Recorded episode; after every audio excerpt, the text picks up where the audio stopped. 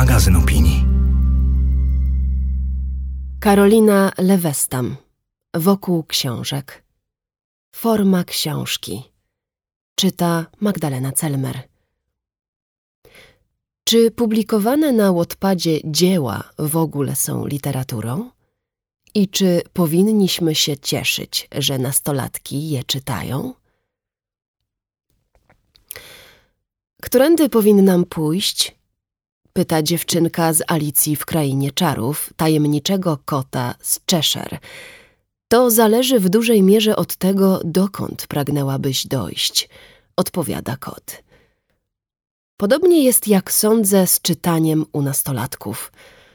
Literatura jako zjawisko jest dziś bytem poniekąd mitycznym, żywą hiperbolą. Widzimy ją jako ważniejszą, większą, istotniejszą niż jest w rzeczywistości. Przypisujemy jej sprawczość, jakiej dzisiaj nie może już unieść. Jednym z zadań, którymi ją łatwowiernie obarczamy, jest wychowanie, bo co ma uczynić człowieka, jeśli nie księgi? Co innego ma prowadzić z ciemności w jasność, z ignorancji ku wiedzy, innymi słowy, z niemowlęctwa w dorosłość? Tylko książki. Książki, których pozycja wśród naszych symboli plasuje się paradoksalnie gdzieś między uspołeczniającą dydaktyką czytanki, a śmiertelnie groźnym, uwalniającym widnokrąg spojrzenia zakazanym owocem.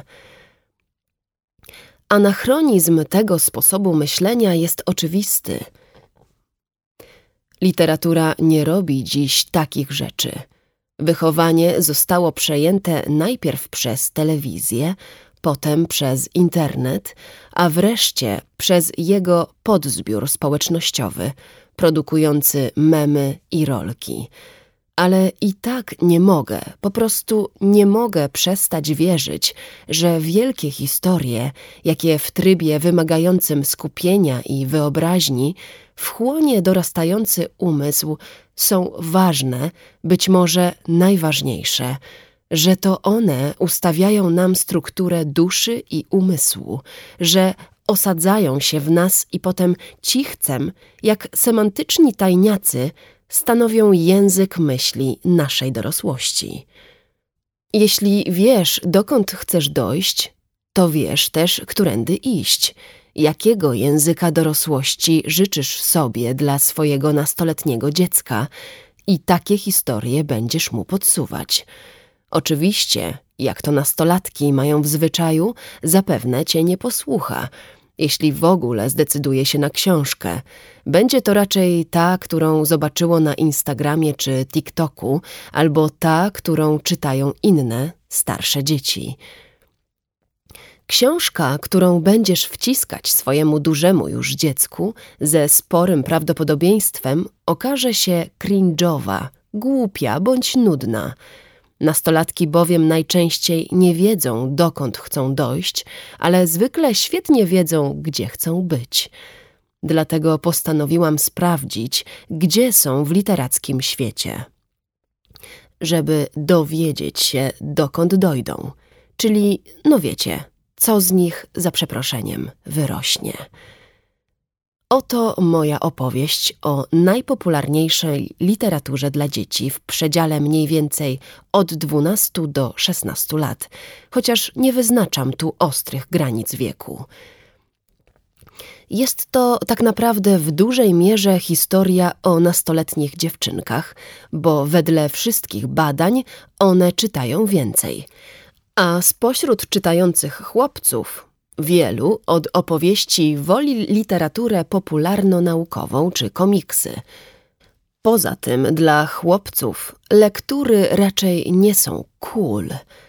Zofia Zasadzka z Biblioteki Narodowej, która jako jedyna w Polsce robi pogłębione badania czytelnictwa młodzieży, w swoim raporcie z 2014 roku pisała – Chłopcy, niezależnie od wieku, niechętnie uczestniczą w rówieśniczych interakcjach towarzyszących praktykom czytelniczym, a starsi jeszcze rzadziej wymieniają opinie o lekturach z członkami rodziny.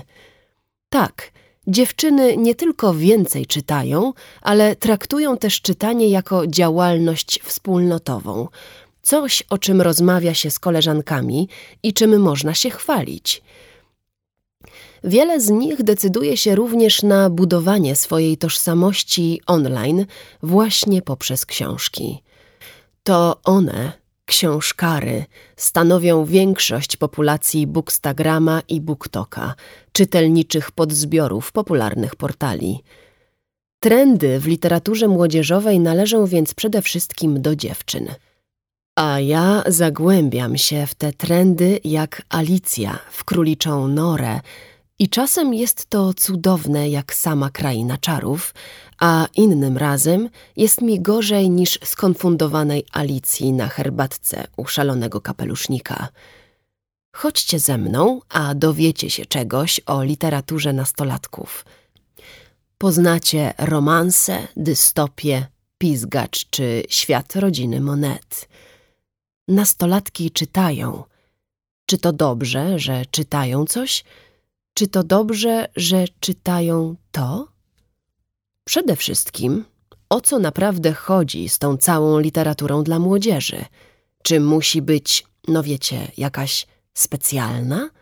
W końcu, jeśli się nad tym zastanowić, to znaczna część tak zwanej literatury pięknej już od dawna traktuje właśnie o wchodzeniu w dorosłość – Wystarczy chwycić pierwsze z brzegu wielkie dzieło, czarodziejską górę Tomasa Mana, niepokoje wychowanka Torlesa Roberta Musila, czy zbrodnie i karę Fiodora Dostojewskiego, a wpadniemy prosto w temat progu dorosłości i związanego z nim angstu. Romeo i Julia to przecież właśnie opowieść o przyspieszonym dojrzewaniu przez miłość – Hamlet, którego przerażone oczy otwierają się na zepsucie świata, to, jeśli odjąć całą masę trupów, niemal kropka w kropkę buszujący w zbożu J.D. Salingera, jeszcze niedawno uwielbiany przez nastolatki. Kto woli żeńską wersję Hamleta, zawsze mógł rzucić się na przykład na Sylwię Plath, u niej alegorią świata jest dojrzały melon, który rozpęka się na pół, ukazując jej przerażonym oczom swoje bebechy. Pokolenie, które jak ja dorastało w latach dziewięćdziesiątych, kiedy tylko wyrosło z Edmunda Niziurskiego czy Zbigniewa Nienackiego, to jeśli akurat nie łapało się Małgorzaty Musierowicz, lgnęło do zinfantylizowanych spadów z dorosłego stołu, takich jak Trzej Muszkieterowie Aleksandra Dima, Ptasiek Williama Whartona czy Kraina Chichów Jonathana Karola, nie wspominając już o Paulu Coelho.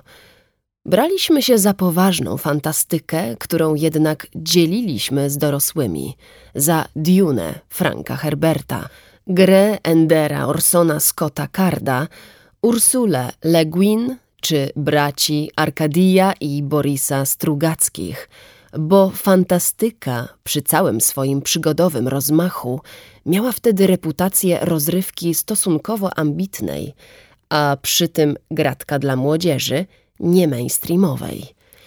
Co bardziej zdeterminowani, męczyli się nad Oscarem Wildem albo nad Hermanem Hesse. Innymi słowy, było nas dziesięcioro. Mieszkaliśmy w jeziorze. I komu to przeszkadzało? A potem pojawiła się kobieta, która zmieniła wszystko. Autorka Harry'ego Pottera, J.K. Rowling. To dzięki niej literatura młodzieżowa powstała na nowo. Tym razem jako dochodowy segment rynku czytelniczego. Najczęściej nazywany z angielska young adult, młody dorosły, YA.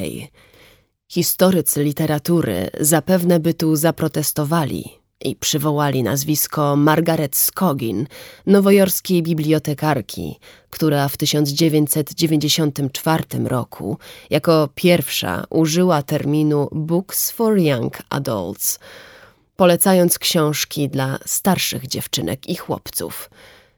A może cofnęliby się jeszcze dalej, do roku 1929, kiedy to dzięki bibliotekarkom z Nowojorskiej Biblioteki Publicznej powstała pierwsza rozesłana do szkół i pomniejszych bibliotek lista książek dla młodych ludzi.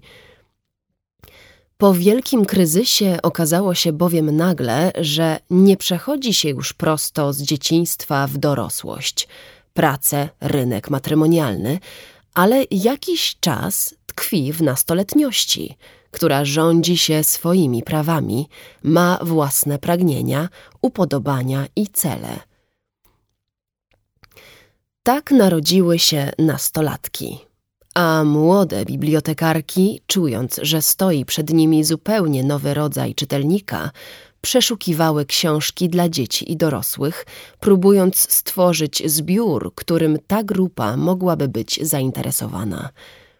Na liście znalazły się na przykład Ania z Zielonego Wzgórza Lucy Maud Montgomery czy Małe kobietki Louisy May Alcott. I to tutaj niektórzy upatrują początku nowego segmentu literatury. Wciąż jednak był to wybór nieco przypadkowy.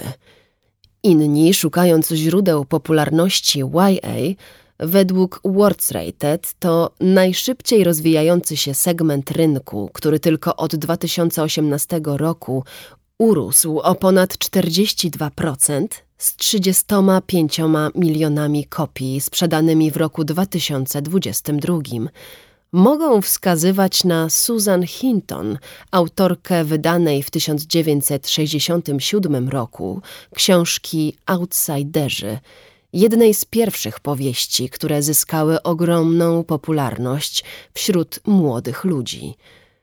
W swoim tekście dla New York Timesa Hinton pisała tak – Problem polega na tym, że dorośli piszą o nastolatkach albo korzystając z własnych wspomnień, albo z dystansu, jakby myśleli, boję się do nich podejść, oni są włochaci. Świat się zmienia, a autorzy książek dla młodzieży są 15 lat do tyłu. Najwięcej piszą książek o miłości, a zaraz po nich są opowieści w stylu koń i dziewczę, którego kochało. Do nastolatków nie można pisać z góry. Sama prawda. Oczywiście, ale rynek naprawdę zrozumiał to dopiero wtedy, gdy się okazało, że masę pieniędzy zarobił właśnie Harry Potter. Zatrzymajmy się na moment przy Potterze, bo dzięki niemu może zrozumiemy, dlaczego literatura wczesnej młodości jest dziś tak często czytana przez dzieci, młodzież, ale także przez dorosłych. Siedmioksiąg Rowling to twór wcześniej niespotykany, łączący najlepsze anglosaskie tradycje gatunku fantazy i motywy Bildungsroman, powieści o dojrzewaniu. Towarzyszymy haremu przez siedem pełnych lat, od 11 do 17 roku życia. Niektórzy mogą się zrzymać, słysząc, że tę książkę cechuje niespotykana wcześniej powaga.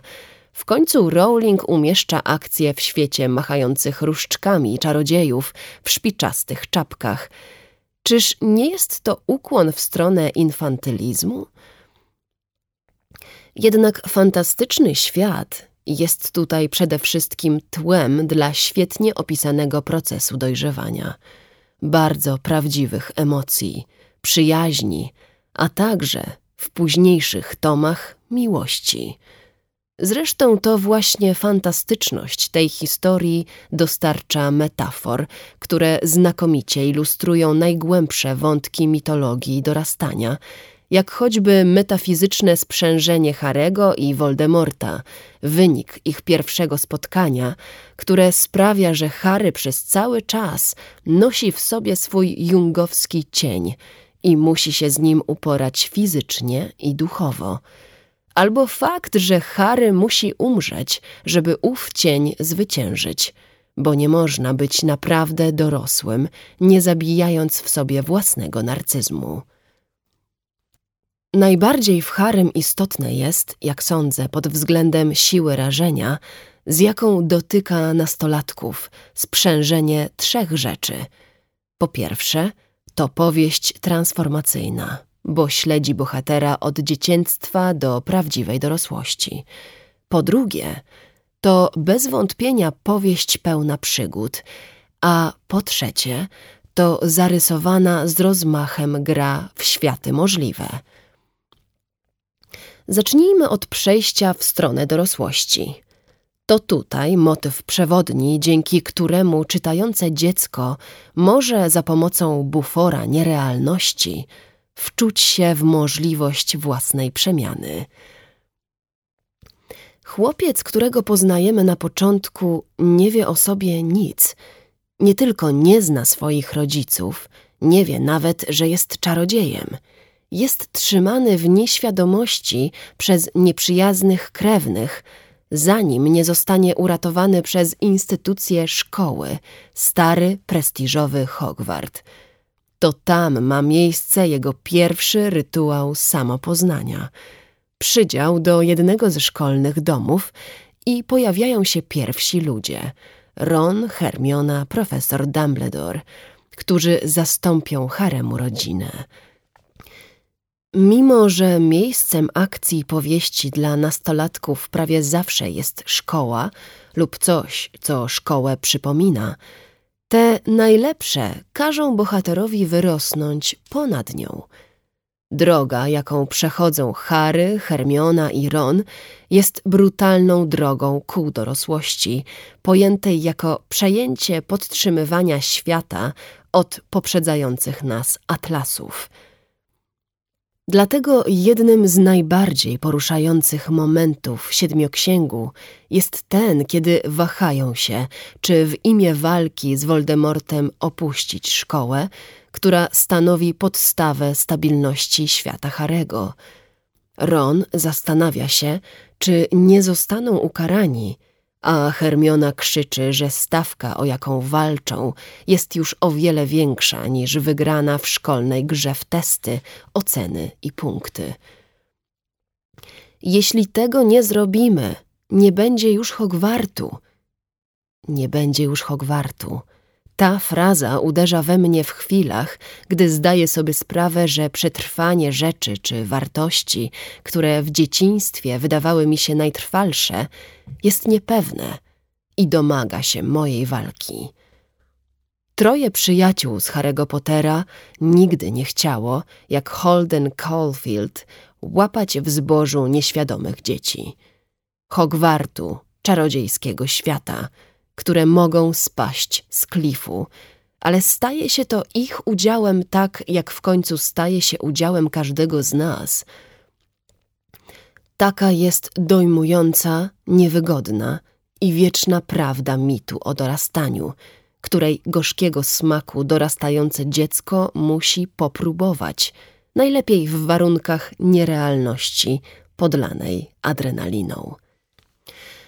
Bo przy tym jest to po prostu powieść pełna przygód.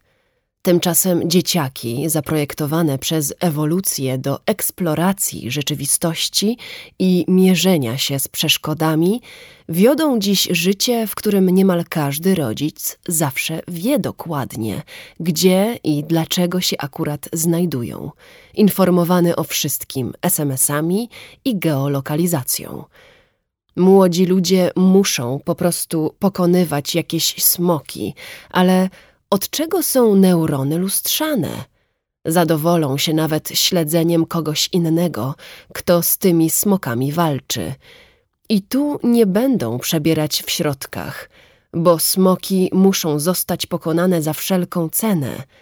Wykorzystują więc do iluzji tej walki wszystko – wyobraźnię, filmy, gry komputerowe i powieści, takie jak Harry Potter właśnie. Przygody te rozgrywają się przy tym w świecie, który, o ile mi wiadomo, nie istnieje, ale co bardzo ważne, przy pewnym metafizycznym rozmachu demiurga zasadniczo mógłby – tu chciałabym przywołać na pomoc Alison Gopnik, naukowczynię zajmującą się rozwojem ludzkiego umysłu. W napisanym z innymi naukowcami artykule Potęga możliwości, przyczynowe uczenie się, rozumowanie kontrfaktyczne i zabawa w udawanie Pisze ona, by rozwiązać największą zagadkę ewolucji ludzkich zdolności poznawczych, trzeba zrozumieć, jak tak niewielkie zmiany genetyczne mogły doprowadzić do tak ogromnych zmian w ludzkim zachowaniu. Innymi słowy, trzeba wyjaśnić, jak to się stało, że człowiek potrafił z jaskiń przenieść się do drapaczy chmur.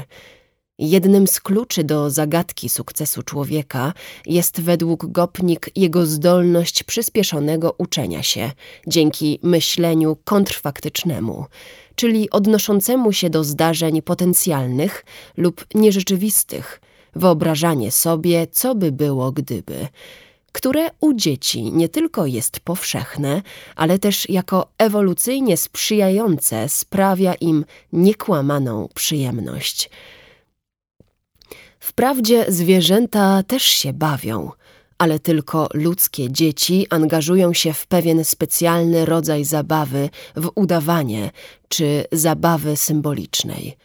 W takiej zabawie dzieci nie tylko udają, że robią rzeczy, które będą musiały robić w przyszłości. Zamiast tego wypracowują niesamowicie wyszukane kontrfaktyczne scenariusze – często za pomocą języka, rekwizytów czy gestów. Każdy, kto widział kiedyś jakieś dziecko, wie, że kiedy bawisz się z nim w rycerzy bądź czarownicę, to biada ci, jeśli rzucisz urok bez różdżki albo wyciągniesz w walce pistolet. Tak by przecież nie było, gdybyśmy naprawdę były i byli czarownicami, rycerzami. Taka zabawa to rzecz pozornie prosta i naiwna, ale maszyneria kognitywna potrzebna do tworzenia możliwych światów stanowi zasadniczo cud natury, bo dzieci, żeby udawać, muszą wytworzyć alternatywną reprezentację rzeczywistości i wygenerować obserwacje, które miałyby miejsce, gdyby reprezentacja ta istniała naprawdę.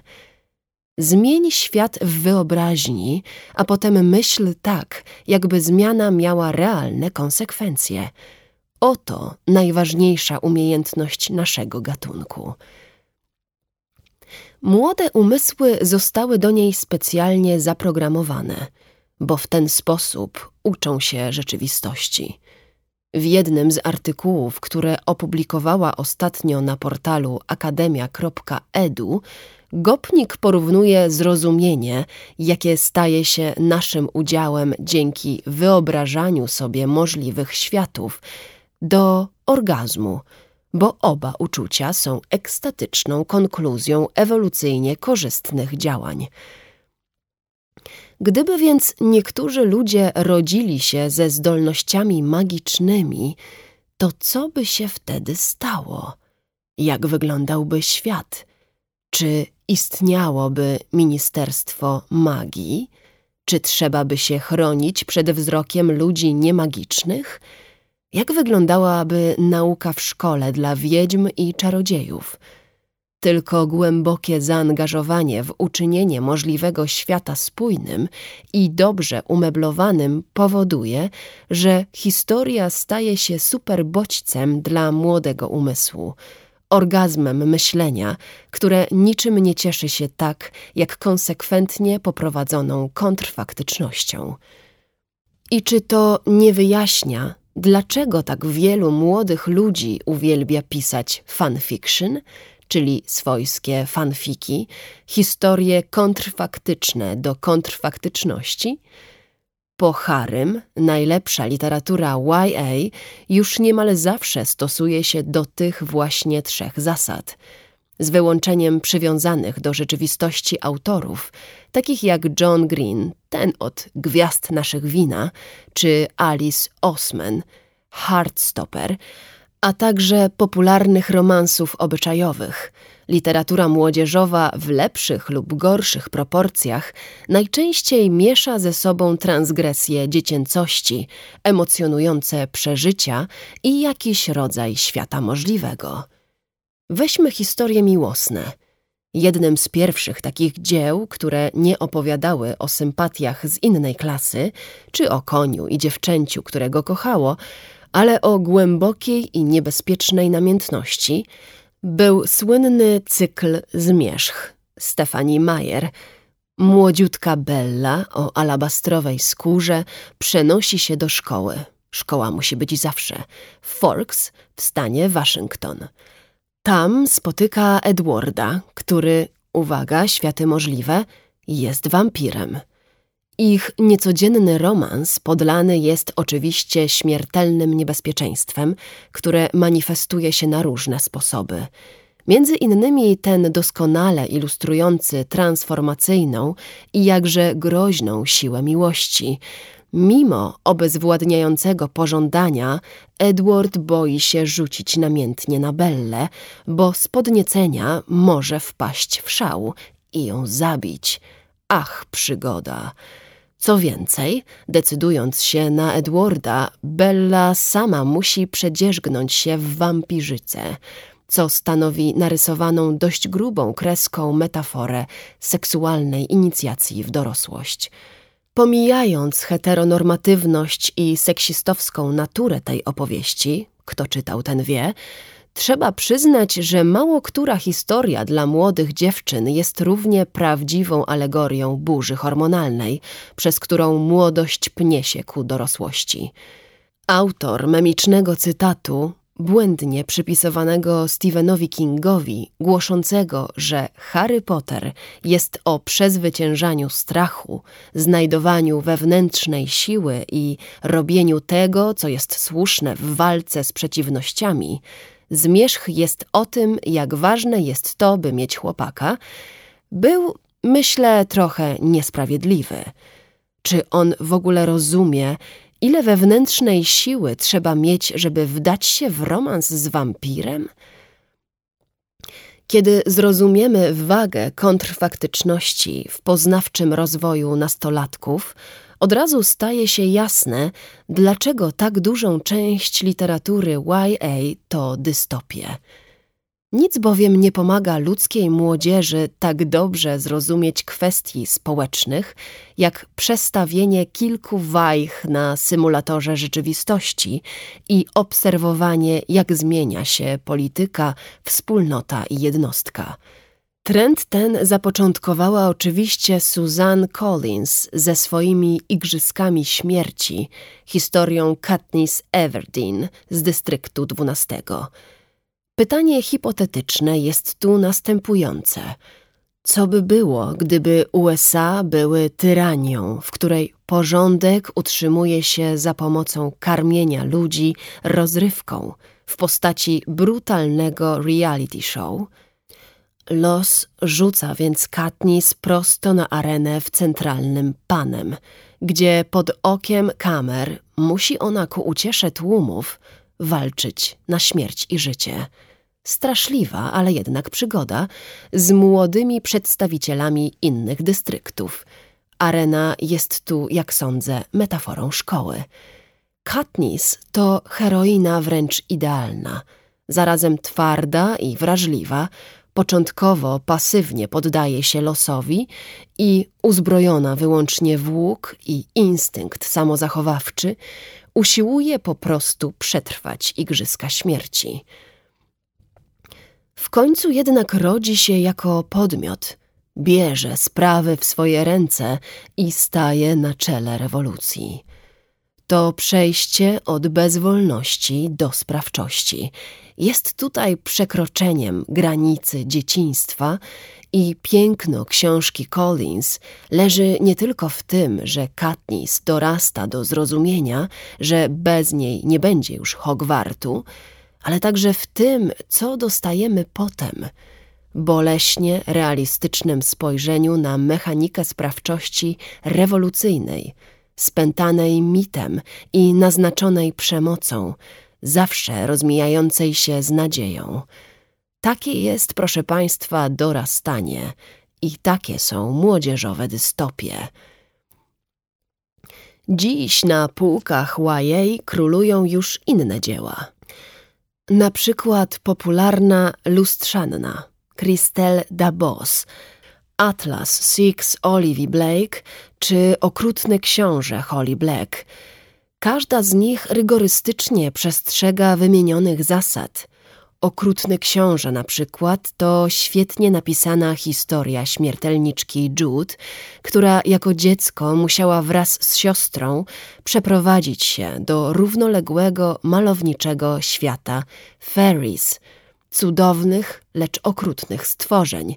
Wyglądają jak ludzie, tyle że mają rogi, ogony, skrzydła albo kopyta – Słabsza, bardzo ludzka, podatna na uroki i zaklęcia Jude musi przetrwać i wykroić sobie w tym twardym świecie pozycję na dworze dzięki umiejętnościom walki, sprytowi i kłamstwom, bo fairies, mimo że śmiertelne, mają jeden słaby punkt. Muszą zawsze mówić prawdę – to magiczna opowieść o dorastaniu w pogardzie, złowrogim i nieprzyjaznym środowisku. Coś na kształt koszmaru szkolnego, gdyby szkoła składała się z pozbawionych skrupułów, silniejszych i piękniejszych od nas dręczycieli. I ta opowieść, jak inne przed nią, też jest o transformacji ducha z naiwności przez wojnę i miłość ku władzy – ale jest to także powieść przygodowa, rozgrywająca się w spójnym, smakowitym świecie możliwym, odsłaniającym naturę przemocy i zwierzchnictwa. Podobną grę z kontrfaktycznością stanowi Atlas Six, gdzie świat jest zasadniczo taki sam jak nasz. Też mamy coś w rodzaju szkoły, tyle że niektórzy ludzie mają zdolności magiczne – a poza tym przetrwała Biblioteka Aleksandryjska.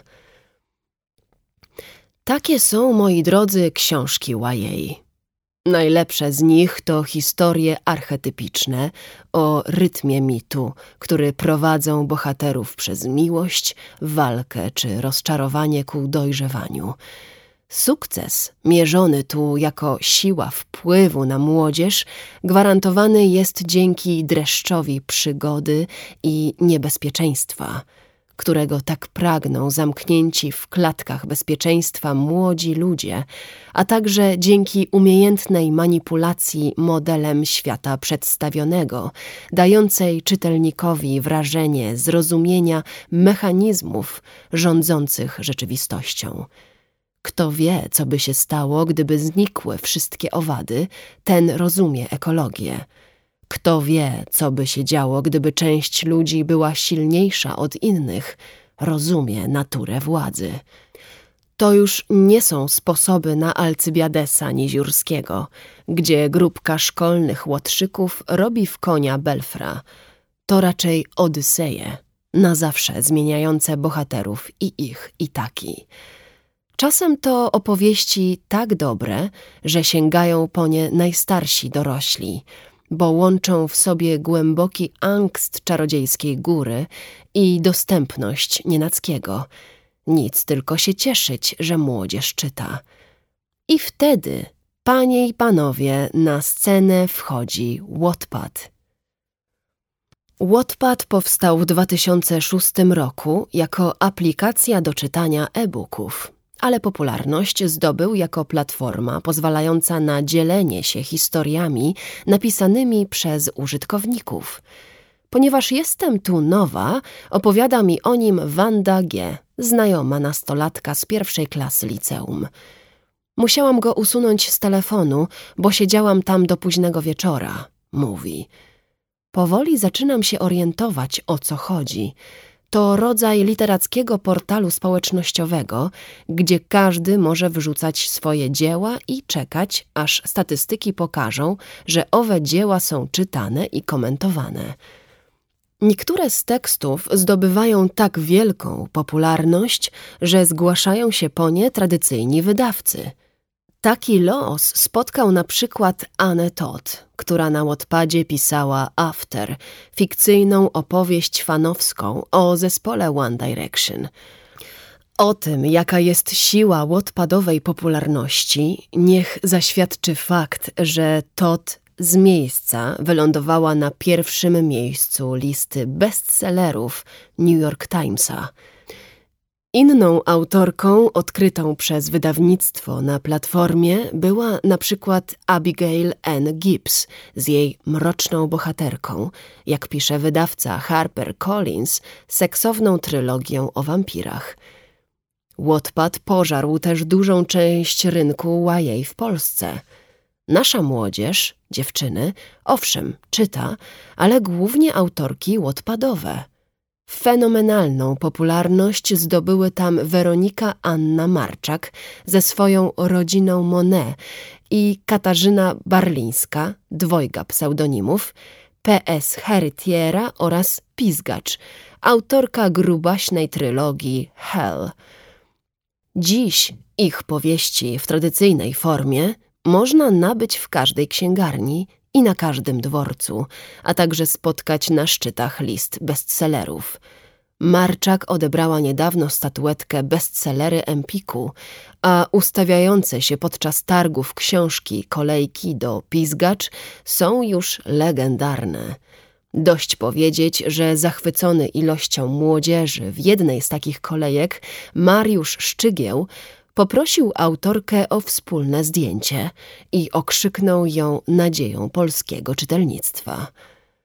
Ponieważ byłam trochę wewnętrznie zniszczona serią, którą z jakiegoś powodu przeczytałam na Łotpadzie, Kot Marian w polskiej gimbazie, autorstwa niejakiej zakapturzonej autorki, rację miała Wanda, że trzeba korzystać rozważnie – Odrobinę się bałam sięgnąć po hel i monetów, jednak w przypływie odwagi kupiłam obie pozycje. Mogę więc czym prędzej streścić wam co i jak. Główna bohaterka, Start a Fire, pierwszego tomu trylogii Hell, to Victoria Clark, uczęszczająca do Culver City High School. Jest bogata, jej przyjaciółka Mia też jest bogata, a jej przyjaciel Chris to nawet jest obrzydliwie bogaty. W ogóle wszyscy wokół są bogaci i jeżdżą fajnymi samochodami i wiodą życie licealistów, na które składają się lekcje, imprezy i domowe posiadówki. Na dodatek wszyscy są dziećmi ludzi wpływowych, a także ładnych – Jocelyn, matka Wiktorii, wygląda jak wyjęta prosto z żurnala. Pewnego razu jednak wszystko się zmienia, bo Wiktoria przypadkiem natyka się na niejakiego Nataniela Sheya. Ach, ten Shey! Oto opis rzeczonego. Pierwszym, na co zwróciłam uwagę, były jego oczy. Otoczone wachlarzem gęstych rzęs i lekko podkrążone, jakby nie spał od dłuższego czasu. Już to sprawiło, że poczułam mrożącą krew w żyłach niepewność. Ale te cholerne, jakby śmiercionośne tęczówki były moim ostatecznym zgubieniem. Całe czarne, jak smoła. Jednak to nie ich kolor był najgorszy. Pierwszy raz w życiu widziałam, żeby ktoś patrzył na kogoś tak, jak w tamtej chwili on spoglądał na mnie z tak przerażającym wyrafinowaniem i zimnem. Jego czarne tęczówki były lodowato puste i beznamiętne. Odniosłam wrażenie, jakby po chwili wiedział o mnie zupełnie wszystko. Poczułam nieprzyjemny, zimny pot na karku. Linia jego przeklętej szczęki mogłaby ciąć papier. Wyglądał jak wyrzeźbiony przez Michała anioła, nie w marmurze, ale w złocie. Nataniel jest mrocznym dwudziestolatkiem w skórzanej kurtce z kożuszkiem, gwiazdą nielegalnych walk bokserskich. Ma czarne tęczówki. Pamiętamy? Jeśli czytelnik przegapił ten szczegół, to nic straconego. Zostanie mu to przypomniane na niemal każdej z prawie 600 stron pierwszego tomu. Czarne, zimne spojrzenie. Macie to? Jeśli tak, to można zacząć akcję. Ale jaką akcję? Chciałoby się zapytać, skoro to, co dzieje się w książce, to jakiś straszliwy test na wytrzymałość czytelniczą bo oto bez przerwy, cały czas, co chwilę ma miejsce dokładnie ta sama sytuacja. Pizgacz wprowadza w życie niczeńską teorię wiecznego powrotu, gdyż w jej świecie nieustannie dzieje się, co następuje. Wiktoria jest gdzieś, szkoła, dom, bar, ulica, przystanek autobusowy, supermarket i bum, w ogóle nie wiadomo skąd nagle pojawia się szej. Szok! Niedowierzanie! Za każdym razem szok, chociaż tak na logikę mogłaby w końcu przywyknąć, a nawet zacząć się spodziewać, że skurczysyn wychynie pewnego dnia z lodówki – Shay patrzy więc swoim czarnym wzrokiem, a Wiktoria, która podobno jest absolutnie przerażona i w ogóle nie może z nim jakoś, jednak zbiera się w sobie na tyle, by wyzwać go od kretynów i psychopatów, bo ona, proszę państwa, nie da się zapędzić w kozi róg. On ją wtedy też wyzywa – na przykład od wyszczekanych suczy i bardzo autorytatywnie każe jej się zamknąć, wciąż patrząc na czarno i na zimno, na co ona strasznie się boi. Tak bardzo się boi, że znów go jednak wyzywa. Tym razem od idiotów i popaprańców, a także kwestionuje posiadanie przez niego piątej klepki.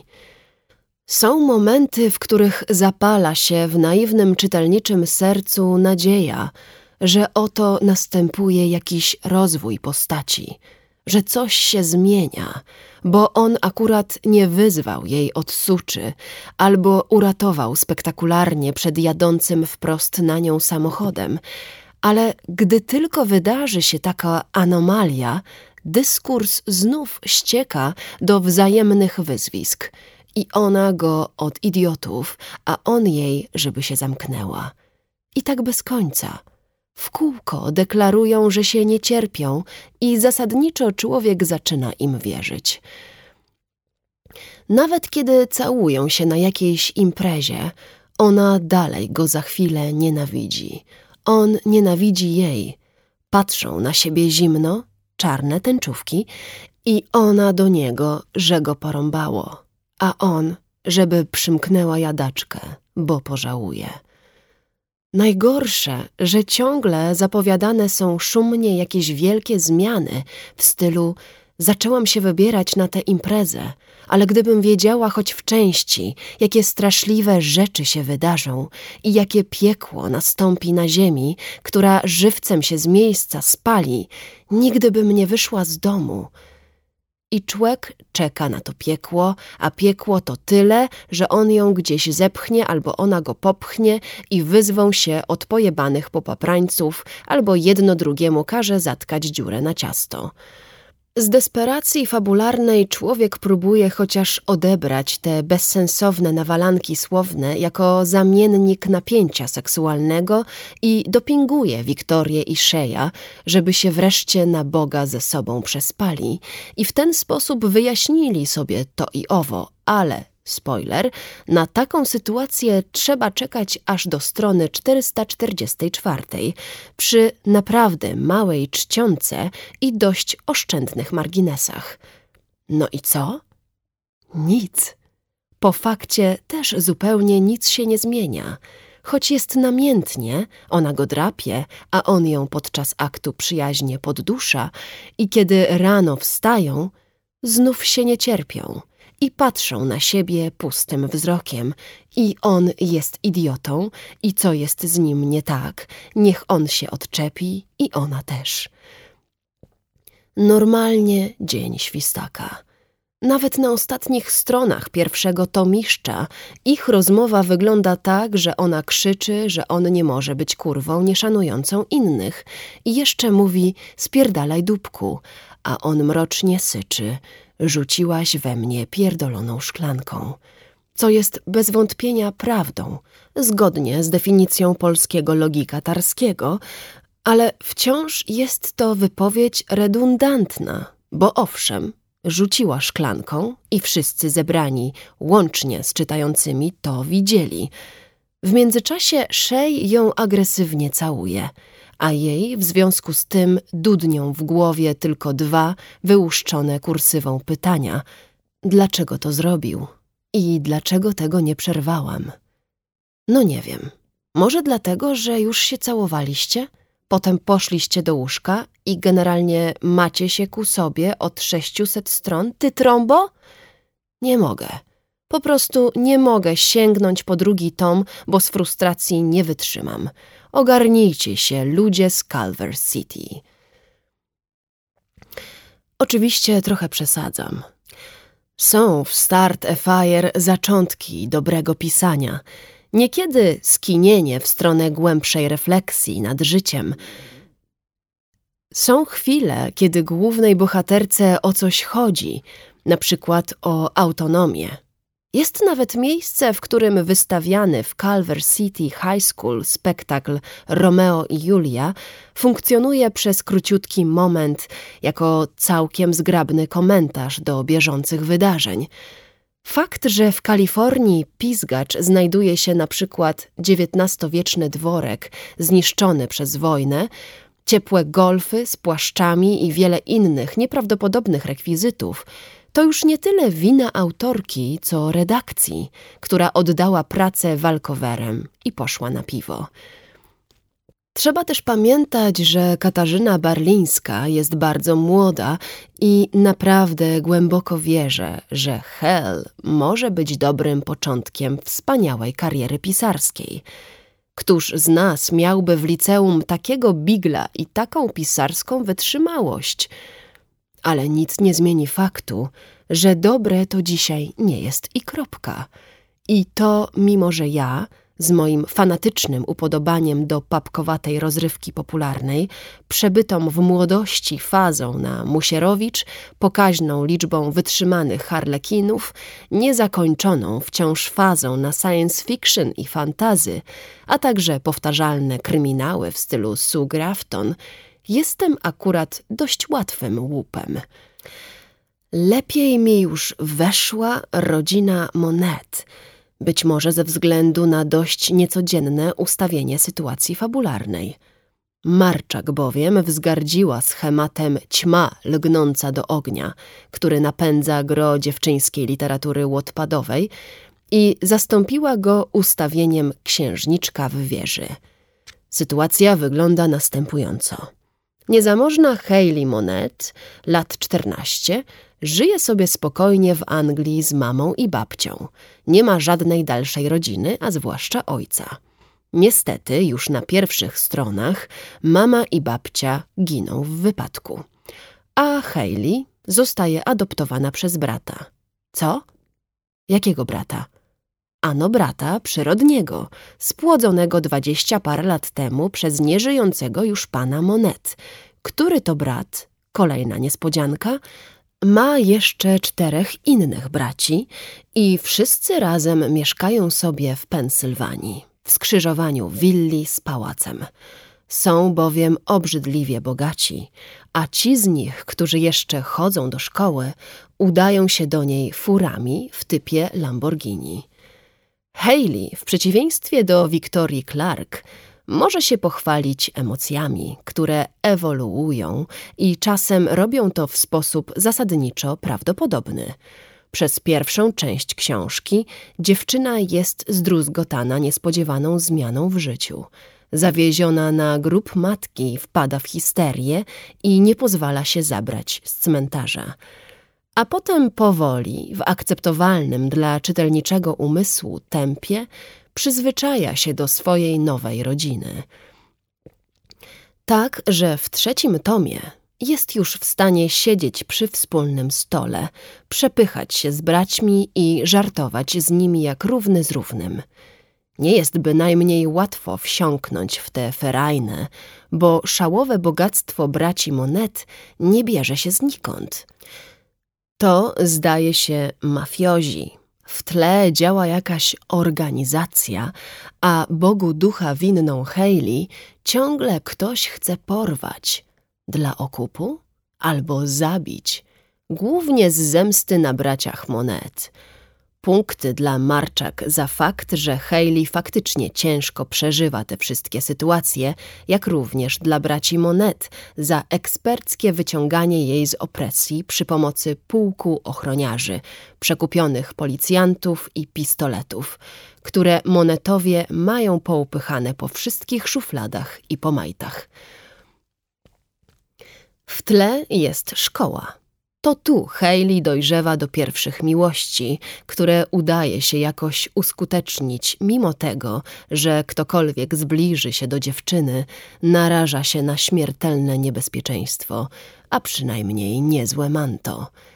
Bracia, jak zapalczywi rycerze, odganiają każdego, kto otworzy do niej szerzej usta i nie przebierają w środkach – przy czym warto wspomnieć, że czytając można też nabawić się rodzaju erotycznej konfuzji, bo Hayley wciąż oddaje się kontemplacji wyglądu swojego rodzeństwa, z naciskiem na twardość i obwody poszczególnych części ciała. Oto na przykład Dylan, najmniej sentymentalny z mafijnej rodzinki, po ćwiczeniach Zebrane w tył wilgotne włosy odsłaniały jego czoło, które błyszczało od potu, tak jak jego napakowane ramiona. Jego tors okrywała luźna koszulka bokserska, która wisiała na jego muskułach jak worek. Najstarszy ma przepiękne oczy i jest zawsze nieskazitelnie ubrany – Ciało innego pokrywają niesamowite tatuaże, a wszyscy mają brzuszne sześciopaki, na których t-shirty rozłażą się w szwach. Doprawdy, pornograficzne fanfiction pisze się samo, bo żaden chłopak ze szkoły, z którym Hayley chce się całować, nie jest nawet w połowie tak seksowny, jak ta wesoła gromadka mafijnych brutali, która w obronie czci i bezpieczeństwa siostry momentalnie chce absztyfikanta zrzucić ze schodów lub zastrzelić. Najgorsze jednak, że gdzieś w okolicach środka drugiego tomu przestałam ufać autorce. Wierzyć, że ona sama wie, jak działa organizacja, że to wszystko dokądś zmierza, że jest gdzieś jakiś narracyjny cel. Sięgając wieczorami po rodzinę, czułam się, jakbym puszczała sobie enty odcinek Mody na sukces, gdzie scenarzyści tłuką kolejne scenki, nie zadając sobie pytań w rodzaju no to dokąd, kochani, chcemy dojść na koniec sezonu? A jak mówił pewien mądry kot, żeby wiedzieć, w którą stronę iść, trzeba wiedzieć, dokąd chce się dojść.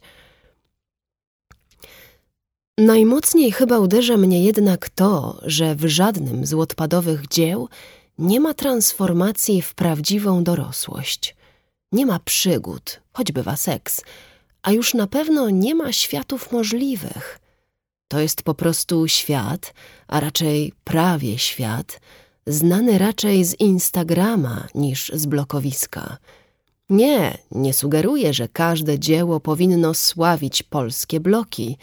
Mówię tylko, że katarzis, oczyszczenie dzięki przemianie bohatera, przegrywa tu z mimezis, czyli zwykłym odzwierciedleniem, ale i samo mimezis jest kulawe – bo odzwierciedla coś, o czym autorki myślą, że jest, podczas gdy stety lub niestety tego czegoś wcale nie ma, bo zostało wytworzone w kawalkadzie upiększających zwierciadeł internetu.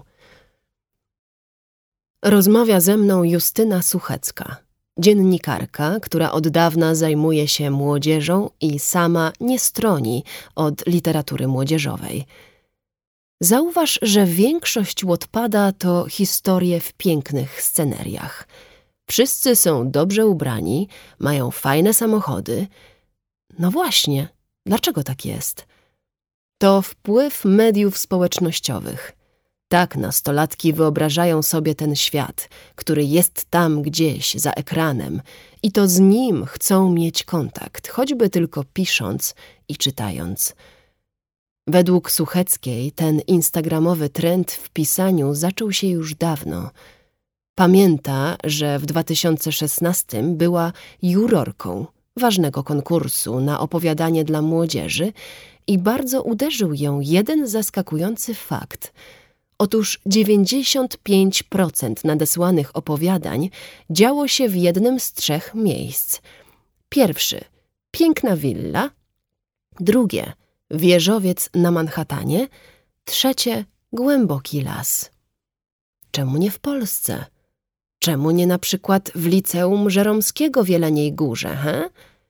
W wywiadzie dla Wyborczej Marczak mówi Wojciechowi Szotowi, że amerykańskość równa się uniwersalność, a także po trosze bajkowość. Nie chciałam pisać fantastyki, ale też chciałam, żeby to, co się dzieje w książce, było dla czytelników trochę abstrakcyjne, oddalone od ich codzienności – żeby to jednak była ucieczka do innego świata. Dzięki willom w USA ta literatura, tak jak mówi Suchecka, staje się więc skuteczniej eskapistyczna. Ale czy to dobrze? Ważne, że czytają, odpowiada Suchecka i mówi coś, co ostatnio często słyszę. Czytanie jest nawykiem – Lepiej wykształcisz ten nawyk, czytając rodzinę monet, niż nie czytając nic. Lepiej, żebyś siedział na bookstagramie, niż grał w kiepskie gry. I mnie osobiście podnosi na duchu to, że można sobie dzisiaj zbudować tożsamość w sieci na książkach właśnie. A potem dodaje, wiesz czemu oni w ogóle czytają to na tych łotpadach? Bo są potwornie samotni. Te długie instagramowe sagi dają im namiastkę przyjaźni. Dlatego piszą fanfiction o swoich ulubionych bohaterach. Dlatego rozmawiają o nich z innymi w sieci. Ci bohaterowie to takie stałe obecności, do których można powracać. No i, twierdzi Suchecka, nie bez znaczenia jest to, że Wattpad ma swój mit Kopciuszka – i ciebie może pewnego dnia odkryć Harper Collins. To jak gra na loterii. Przygodą jest bardziej sam akt pisania niż wytwarzana treść. No dobrze, ale czy nie lepiej by było, gdyby czytali coś lepszego? Pytam. I tu Suchecka lekko się mityguje. Nie uśmiecha jej się mówienie z pozycji ustawiającej kanon przedstawicielki elity – nie chcę brzmieć jak stara baba, mówi. Ja też nie chcę wyjść na starą babę, więc nie drążę. Jak stara baba nie chce też brzmieć Anna Czernow, badaczka literatury dla dzieci i młodzieży, do niedawna prezeska polskiej sekcji IBBI, Międzynarodowej Izby do Spraw Książek dla Młodych, którą pytam o to, czy warto w ogóle czytać Pizgacz i co z tego czytania wynika – kiedy spotykamy się w kawiarni, od razu zaznacza, że nie usłyszę od niej żadnych utyskiwań na stan i jakość czytelnictwa młodzieży. Jest w tej kwestii liberałką starego typu, zahaczającą o laissez-faire. Przede wszystkim nie fetyszyzujmy czytania, mówi. Czasem lepiej zdobywać wiedzę czy przeżywać przygody, na przykład grając w dobre gry komputerowe – i tłumaczy mi, że moje pytanie o to, czy dzieci w ogóle powinny czytać pizgacz, jest świadectwem dziwacznej potrzeby kontroli, chęcią ideologicznego reprodukowania samej siebie poprzez literacką propagandę. Pierwsze historyjki dla dzieci były pełne krawców, którzy obcinają paluchy i napomnień niegrzecznych dzieci – a teraz niektórzy też marzą, aby może subtelniej, ale jednak zdecydowanie ustawiać umysły młodzieży. Nie, nie powinno się tego robić, mówi Czernow i opowiada mi o różnych trikach, jakie kultura stosuje, by uskuteczniać ideologiczną propagandę w narracjach dla dzieci. Zdaję sobie sprawę, że literatura jest przefetyszyzowana – że jest paradoksalnym miejscem, w którym splatają się ze sobą najdziwniejsze rzeczy. Hedonizm z nadzieją moralną, wartości ze smakiem, pęd do niesienia kaganka oświaty w lód z bezlitosnym elitaryzmem. Ale pytam, czy w takim razie naprawdę mamy pozbierać swoje zabawki, dobrą literaturę i ulotnić się z pola walki walkowerem, oddając zwycięstwo mafii monetów? Widzę tu, że Czernow się denerwuje, chyba na mnie. Najwyraźniej uderzyłam we wrażliwe miejsce. Okazuje się, że podobną dyskusję toczyła na rozmaitych panelach i absolutnie się nie zgadza, że mamy dzieciom wmawiać całą tę wielką literaturę, ponieważ ona jest, tu zaskakująca wręcz odwaga frazy, formą tortur. W ogóle nie rozumiem tego sporu o czytelnictwo młodzieży, mówi. No dobrze, chcecie, żeby dzieci czytały. Uważam, że jest wiele innych, równie ciekawych rzeczy, które mogą robić. Ale jasne, przyjmijmy na chwilę, że celem jest faktyczne czytanie. W takim razie, dlaczego każemy im czytać tak beznadziejne, nudne, stare lektury? I dlaczego krzywimy się na pizgacz, którą akurat rzeczywiście czytają? To jest po prostu niespójne. Zdecydujmy się, proszę, czy chcemy, żeby dzieci czytały, czy nie. A jeśli tak, to najpierw nauczmy je czytać porządnie, bo wiele dzieci do zaskakująco późnego wieku nie czyta płynnie, a potem dajmy im czytać to, co im się podoba. I kropka. Trzecią osobą, która nie chce brzmieć jak stara baba, jest Małgorzata Gałysz-Wróbel promotorka książek działu dzieci i młodzieży dużego wydawnictwa. Ona też uważa, że zatrudnianie płaczek żałobnych w mediach w każdy dzień książki jest bez sensu. Jest wiele większych tragedii niż spadek, tudzież jakość młodzieżowego czytelnictwa. Ale w kontekście autorek łotpadowych jedno ją rzeczywiście martwi, a mianowicie zanik literatury późnego dzieciństwa. Kiedyś trzynasto-czternastolatki czytały mroczne materie Filipa Pullmana, miały Adama Bachdaja, Krystynę Siesicką czy Hobbita, a teraz te czytające dzieciaki w wieku 13 lat wskakują do sieci – tam robią własne TikToki, filmy o książkach na YouTubie, zakładają bookstagramowe konta. I wiesz, czego się najbardziej boją? Że wyjdą na dzieciuchy, że się ośmieszą. Więc na wszelki wypadek od razu łapią się za rodzinę monet. Doskonale rozumiem, o czym mówi moja rozmówczyni, bo jako autorka książki dla dzieci, właśnie w tym trudnym przedziale 9-12 lat – Silla, wydawnictwo Agora, wiem, jak trudno starsze dzieci wciągnąć w baśń. Ale Gałysz Wróbel też twierdzi, że czytanie jest nawykiem, że warto się cieszyć z czytania w ogóle i skoro ma już być rodzina monet, to niech będzie. Lepszy ryc niż nic. Trzy ekspertki, jeden werdykt.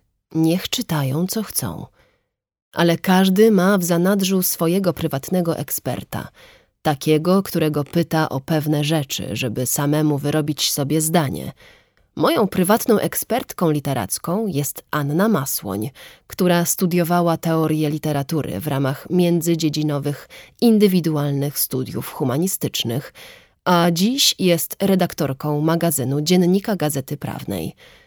Od Ani w zadymionym pokoju w akademiku dowiedziałam się, jakie są teorie świata przedstawionego.